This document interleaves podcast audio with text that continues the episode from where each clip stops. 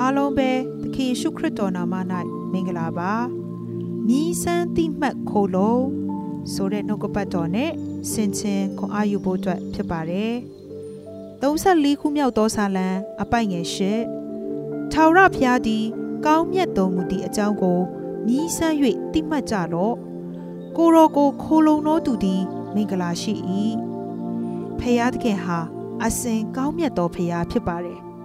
ကျမတို့ရဲ့အသက်တာထဲမှာဂျေစုပြုတော်ဖခင်ဖြစ်တယ်နေ့ရက်စဉ်တိုင်းဖခင်ရဲ့ကောင်းမြတ်မှုဂျေစုပြုမှုကိုကျမတို့ကိုမြည်ဆန်းစေပြီးအသက်တာထဲမှာအစဉ်ခံစားစီခြင်းတဲ့ဖခင်ဖြစ်ပါတယ်ဖခင်ရဲ့ကောင်းမြတ်ခြင်းတွေကိုကျမတို့ရဲ့အသက်တာထဲမှာခံစားစီခြင်းယုံတာမကတိမှတ်ဆွဲလန်းပြီးသူ့ထံမှာအစဉ်ခိုလုံကိုးစားတော်သူဖြစ်စေချင်ပါတယ်။ မင်္ဂလာရှိသောအသက်တာဖြစ်စေခြင်းနဲ့ဖရာဖြစ်ပါတယ်။ဒါကြောင့်လက်တွေ့ဆုံးဖြတ်ချက်ချရအောင်။ကျမတို့ရဲ့အသက်တာထဲမှာခံစားရတဲ့ဖရာရဲ့ကောင်းမြတ်မှုတက်တွေကိုတည်ငါအတွက်တာမဟုတ်ပဲအစဉ်တိမှတ်ဝန်ခံပြီးဖရာကိုကိုးစားခိုလုံသောအသက်တာအဖြစ်ရှောက်လန်းအသက်ရှင်ကြရအောင်။ဆုတောင်းကြပါစို့။အဖဖယား ကျမတို့နဲ့ဆက်ဆိုင်သောဆွေမျိုးသားချင်းများရဲ့အသက်တာထဲမှာ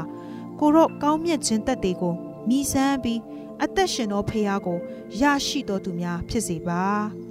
ကောင်းမြတ်ဆုံးလင်းသောဖယားကျမတို့ရဲ့အသက်တာထဲမှာကိုရောရဲ့ကောင်းမြတ်ခြင်းများနဲ့ပြည့်လျက်ရှိပါတယ်တို့တော့ကိုရောဂျေစုပြုတဲ့တက်တွေများကိုမတိမမတ်ပဲမေလျော့ပြီးအသက်ရှင်လျှောက်လန်းမိပါတယ်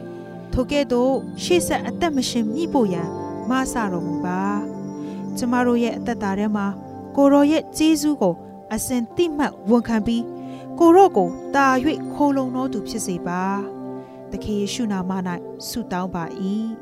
အာမင်